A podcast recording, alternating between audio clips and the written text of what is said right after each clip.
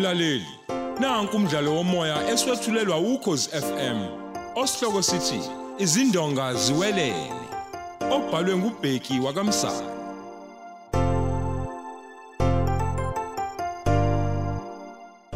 Yamukela isiqephu samashumi amahlanu.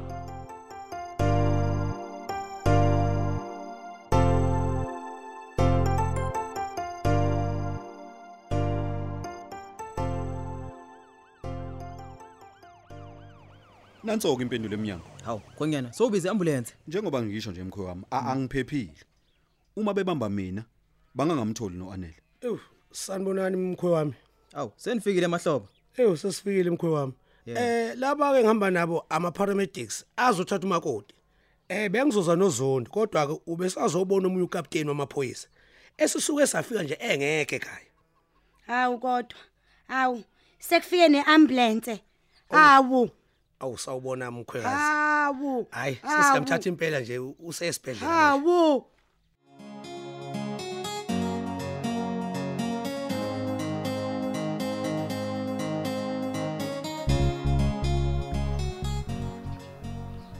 ayike I nawe fo akuye njengamagama endoda yakhe Alright. uanele useyabhuquza ukugula kumanje Okay. Lokho kusho ukuthi ke sesingahlala amagqozo kuzakhe. Yabona nje njengoba segulu anele Ya. sekuyisona ke isikhathi lesi ukuthi baye kwagoqa nyawo bebambene ngezandla yeah Eh ngicela ukubuza Kennel, Yeah. uphi njengamanje uzakhe? usempangeni kuyobona yena uanele kodwa Oh. kungenzeka abuye naye Alright. bambanike kungenzeka Okay. kodwa uma engekho anele Yeah. engabuyi naye yedwa ningisize ningamthinti uzakhe Okay. So yena senza uzobe njalo. no-anele yedwa kodwa ke ningahluki ngo-anele ngoba vele phela sefana nomuntu nje usegumbini labagula lokufa impela e-icu Alright. Okay, Yeah. hayi ke makunjalo kumnandi ke kushukela khululekanike. Yeah. Siyaqeda ngaye namhlanje. hhayi ke imali enindindile ke bafana um make us proud right Alright, sokwenza njalo.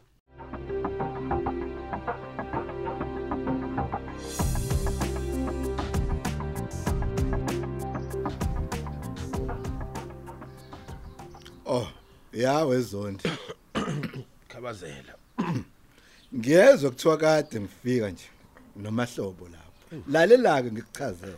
Mina ngisebenzele estation samaphoyisa futhi phakathi nezinsuku emini uyangizwa. ah ngiyaxolisela kakhulu khabazela nkosi Captain. yami. Awu, cha. Captain bese ke uyaqedela. yebo cha bengifuna ukuthi captain khabazela sibone kuphuthuma ke sayisithi hayi asikuthinte Oh. Usukhohliwe ukuthi nina kade ningichapha ngenhlamba la ningibiza ngexuki hi. eyi kodwa cha captain besibona nje indlela Ye wena zoni. Ye. Angizange ngimjikele mina. Ya. Uyangizwa? Kodwa bengenza umsebenzi wami njengephoyisa. eyi Njengoba bengifika nje, nifika la ngingekho, bengisaye kodlala igalofu. eyi kodwa captain nona uqale nini ukudlala igalofu Akuyona indaba yakho leyo. eyi kodwa ke into efuna ukuyazi ukuthi hayi eh, u- u- impela uanele hayi kusesebanga nezibi kubi nje kubi impela Ngitshele. Ngingena ngapi mina lapho? cha captain lapha sicela uanele ezogulela ngalapha u- u- Eh. khona uthembe ezobeka icala phela ngoba niyawazi umthetho futhi niyawazi ke nomlando wakho obugebengu Eh. sicabanga ukuthi le ntombazane ibiqashwe nguyena ngapha kodwa sengathi eh, uwenze ngathi uyiqashe ngale yena Yona intombazane le ithe kuphi kubo? ithe ihlala esikhaweni kwanokhesheni impela eh Kodwa ke bona bangakwazi ukuyibona uma ingaqhamuka njengamanje. hayi ngicabanga kanjani impela captain Ubani obeyikhokhela le ntombazane? Eh, ekhokhelela ukusebenza lapha yana. uthembi phela ngoba uyena wacela ukuba kuqashwe le ntombazane ukuthi isize lapha Yaqashwa uyena. Oh yayila kufesa khona abantu emgwaqeni. Eh. Baya koyiqasha ke bobabili benoanele. Kodwa nje uanele gula nje asazi ukuthi ngubani ngempela wayikhombayo. Awungitshela. Le ntombazane ukuthi imdlisele usevu le empangeni ngokomthetho. Okusukuthi kufuneka icala livulwe khona ngale. Kodwa uma egulela la futhi kuvela ubufakazi bokuthi le ntombazane ibisuka la sicabanga ukuthi ibiqhamuka khona. Ningelithatha nanelicala ngithi. Noma seningazi njengomuntu omubi nje zonke. Ey. Kodwa mina bengizothi ake sibone ukuthi uyalulama yini uanele Oh, okay. bese sikhuluma naye. Ngoba ngiyazi ukuthi animuzi uKenneth Zone. Hayi impela. Noma sengihamba ke nje kodwa ngizocela umseshi unjoko kube uyena osebenza lelicala. unjoko. Hamba ke futhi uyohlangana nabangani bakho. Ah, Ningithuke. Khab- Khabazela. Ningibize ngenyoka njengoba kade Ah, nenza nje Khabazela, zona. mfowethu. Hayi ayidli ibekele khabazela siyawu siyaxolisa mfowethu. Okay, ngithinteni ke uma esefikile la uanele ngoba yena eh wazi kahle ukuthi kwenzekeni. Kodwa thina songena uma le ntombazane ngempela ibiqashelwe la.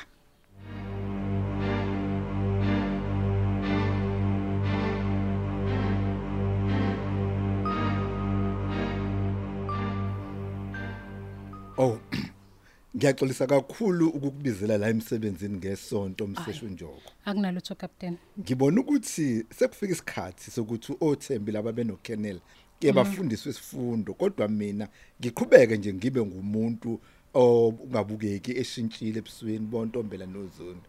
Eh kade ekwami nje uzondi ezongitshela ukuthi njengoba uThembi waya kosizo anele eh saze sithi ke Thembi mina makabuye wayokwenza isiqinisekiso sokuthi uanele le udliswa ushevu make make bakwazi kanjani lokho Oh, kuthiwa anele ugulela ukufa lapha emuva kokuthi intombazane ebiqashwe uThembi imenzele itiye namasemiji namhlanje. nje. hawu uphi yena manje anele Ulando umahlobo ngeambulance kodwa Aha. uzakhe ubesekhona ngale.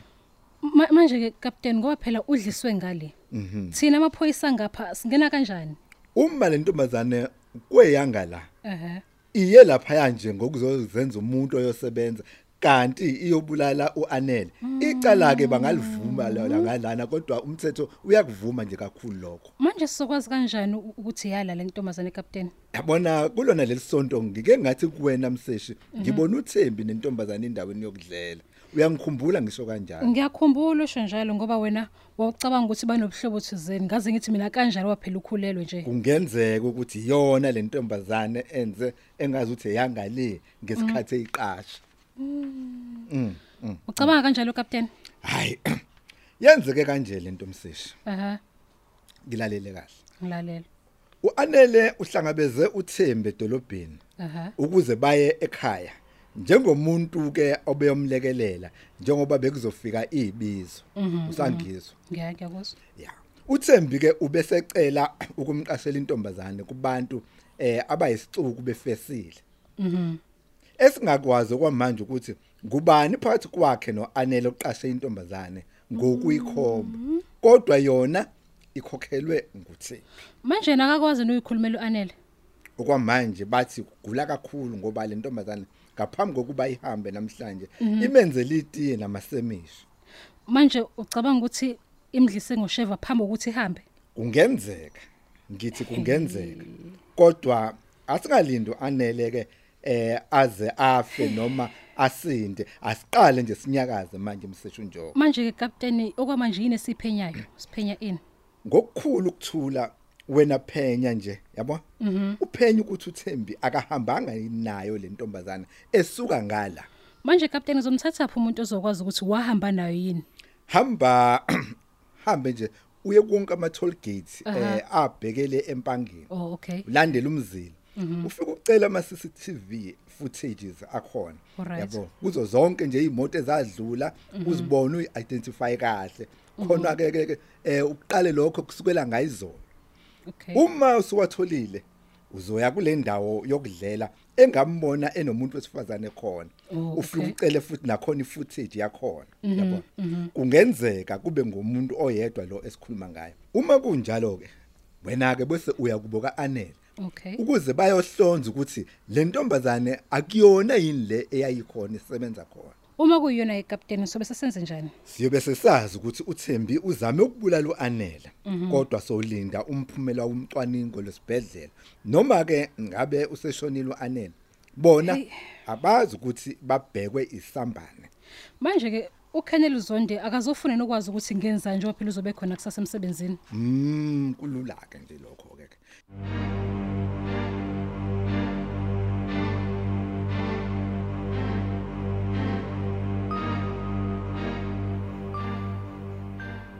Oh kuhamba kanjani kodwa bafowethu Ayi kubi kubi kubi. kubi. kahle neze nondaba hayi ubi yini bathini lesibhedlela kodwa Njengoba kuyisonto nje mfowethu odokotela babaningi.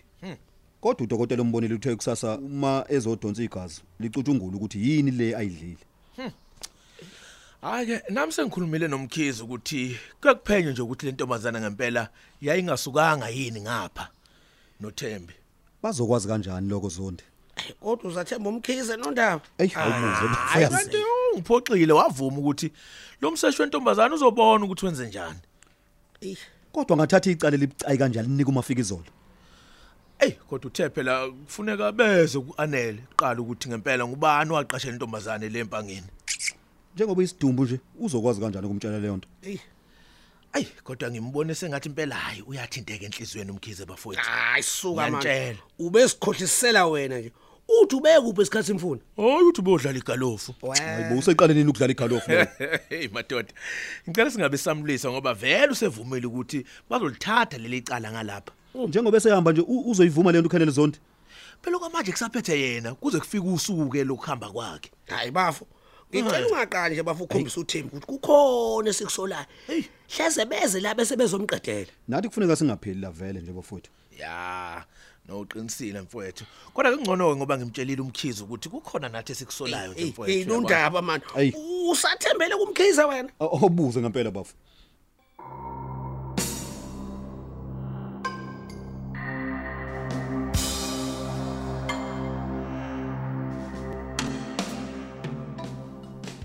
Oh. Yabona ke njengoba ngingakahambi nje la kusakhale sami isicathulo wemseshi. aha Eh ngike ngathi kuwena inkunzi le ngifuna ukuyibamba ngeimpondo. Njengoba ngisuswe la esikhundleni sami ngendlela engaqondakali. kodwa phela uma usuhambile engane engalona lelo cala kaThembu Kennedy Ngibafuna phakathi bobabili wemseshi. Futhi njengoba ngikhuluma nawe nje abazi ukuthi baqashe umuntu engisebenza naye ukubulala uzakhe. hawu bafuna ukubulala uzakhe futhi baqashe umfana ogama lakhe kunguSparks kanti lo mfana uzocela umfana okuthiwa uVo oyisihlobo sami khona le emakhaya ukuba zomlekelela kulomsebenzi manje bafuna ukumbulala nini? Kanjani? Njengoba ngikhuluma nawe nje bagaduza zakhe kodwa uSpark akazi ukuthi uVo uzomjikela uma sebemtholile uzakhe. Umbiko ke ngisanda ukuwuthola nje uthi abakazange ukumbulala namhlanje uzakhe ngoba ubehamba nomuntu wesifazane emotweni. Engicabanga ukuthi ke eh lo muntu wesifazane ubehamba nomunye wesilisa okungumahlobo phakathi. Belandele ambulance eh le ebino anele imphuthumise sibedlela hey madoda manje kuzokwenzakalani bazomlandela uzakhe uma segoduka emakhaya. Futhi sebeyakwazi kubo. Njengamanje ke nje ngizama icebo lokuthi uKennel angabi khona la kodwa athi ebuya abe eboshwa nje zimkhalele insini uzokwenza kanjani lokho Captain Paul? Ay, sengikhulumile nje nesinye isikhulu esiphezulu emaphoyiseni ukuthi babe ngazi ukuthi uyofundela ukuphatha noma izinsuku ezimbili noma ezintathu nje yabona. Uma ehamba ngiyazi ukuthi uzoshiya wonke umsebenzi kuthini. Mhlawumbe ke yena ke usengafika ngoba esezobakhokhela nje labafana. manje sizolinda u- u- uzakha zafe Captain? Ngeke afe kodwa bona bazocabanga ukuthi ufile. Futhi lo mfana ke wami ke ke eh, usemqophile yabo. Efonini uKennel ezishaya isifuba ngokuthi nguyena obulela uphatha futhi nabo uma beke bamzama ukumcrossa nje benze into eseceleni naye abo futhi angabenza okufanayo ezindandanya nje engazi ukuthi kanti uyaqoshwa phansi emafonini. Hey. ngiqinisa ikhanda nje ngamabomu la kontombela benozundi njengoba sebecabanga ukuthi mina sengibajikele ngagwazelwa ngigwazelwa mina. Hey emaye Captain. Angithi lo munye umuntu akazi ukuthi usebenza nomuntu wakho. Yabona ke lowo osephakathi kodwa akazi lutho. Aha. Yingakho ngifuna uKennel angabi khona la. Ukuboshwa kukaThembi noKennel ngifuna kubuke kusengathi kwenziwe nguwena wedwa. Mina nje ngingangeni phakathi. Ukwenzela ukuthi ngingayifakeli isigcwaca kulo owenza sengazi ukuthi unginyusela esikhundleni. Kanti uvikela uKennel ngoba wena eh ewumngani wakhe futhi ebe ukhiye omkhulu wokumayina ititanium le emakhaya. Mina ke ngoba ngumuntu nje othukayo ukuthi hayibo kanti sewenza umsebenzi omkhulu kangaka. Manje ke Captain u- u- uncamelani ukuthi kube uKennel Zondo bambayo bengifuna yabona laba aha. balalisa uboya bese ngibashaya emva kwendlebe. Bengazelele futhi Amaqila akho. ngeke bazi yezwa mangithi ngeke bazi lutho ukuthi yabo bengenzani? Nangengozi. uKennel Zondi lo akasoza aba yibambela lamla wena iba nje ngumuntu ongaphilile kusasa uyibhonqa bhonqa uhambe uyofuna lama footage uwafune kahle ngesineke uzwathola ubuye nawo hayi ngiyakuzwa. Manje mase ngiwatholile ngingasale sengiye kubo kwa-anele khona beyobona phela ukuthi iyo yini le ntombazane le. Ungakwenza konke nje lokho kusasa mshezi Oh, into okay. nje engizoyenza mina ukucela umahlobo angiyalela indlela eya kubo kaAnel Mhm. bese uyakhona wena ngoba mina akufanele ngibe kude novu. Okay. ngoba oThembi noKennel bafuna eh ukuthi bayoqedela uAnel esibhedlela. Mhm, kuzofuneka ngikunike inamba yakho for ukuze nichumane kusukela manje ngoba phela uzosebenza nawe nje abe seduze kwakho isikhathi esiningi. Hayi. Yiso lihle lelo ngabonga kakhulu kapteni hayi ke akufuneki ukuthi ngilokhu ngiphuma ke ngingena kungaziwa ukuthi ngiyaphi. Aza solo uKennel kanti wena hayi akakunakile kanti wena ke ke impela ke ozokuqhumisa uDalmet.